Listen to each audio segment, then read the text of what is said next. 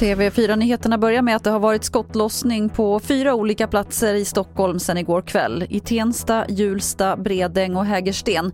Totalt är åtta personer gripna och två män är också allvarligt skadade efter skjutningen i Hjulsta.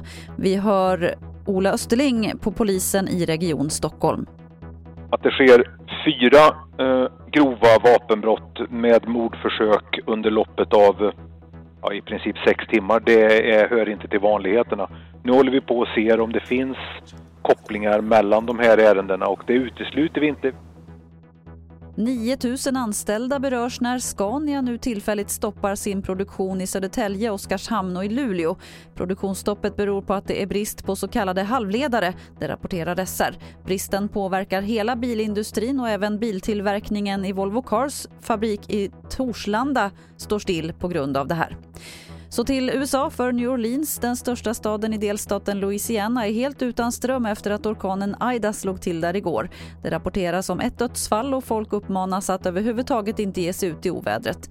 President Joe Biden har utlyst katastrofläge i Louisiana och har frigjort resurser för att hjälpa de värst drabbade.